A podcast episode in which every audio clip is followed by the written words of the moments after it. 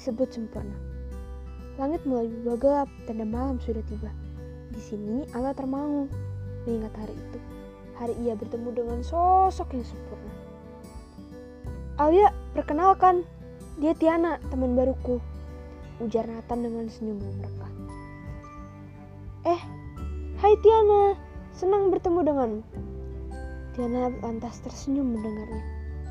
Hai Alia, semoga kita bisa menjadi teman baik ya, balas Tiana. Oh, aku antar Tiana dulu ya, tidak yang bisa menjemputnya. Pamit Nathan seraya menggandeng tangan Tiana. Oh oke, okay. aku pulang naik tak. Belum selesai Alia berbicara, Nathan sudah menarik tangan Tiana menjauh.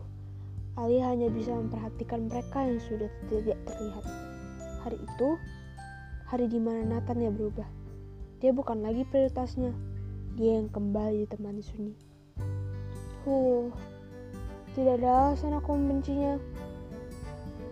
Tiana cantik dan baik, dia seperti malaikat. Menangis, menerima kenyataan bahwa dia tidak bisa menyayangi seorang malaikat. Merasa tidak pantas, tersiksa akan pemandangan mata yang selalu berhasil menyakiti hatinya. Sampai akhirnya, satu video berhasil menyadarkannya. Waktu Tuhan menciptakan kita, dia bilang begini, mereka akan menjadi karya aku paling sempurna. Setelah sudah di bumi, kita sering mengeluh dan tidak bersyukur.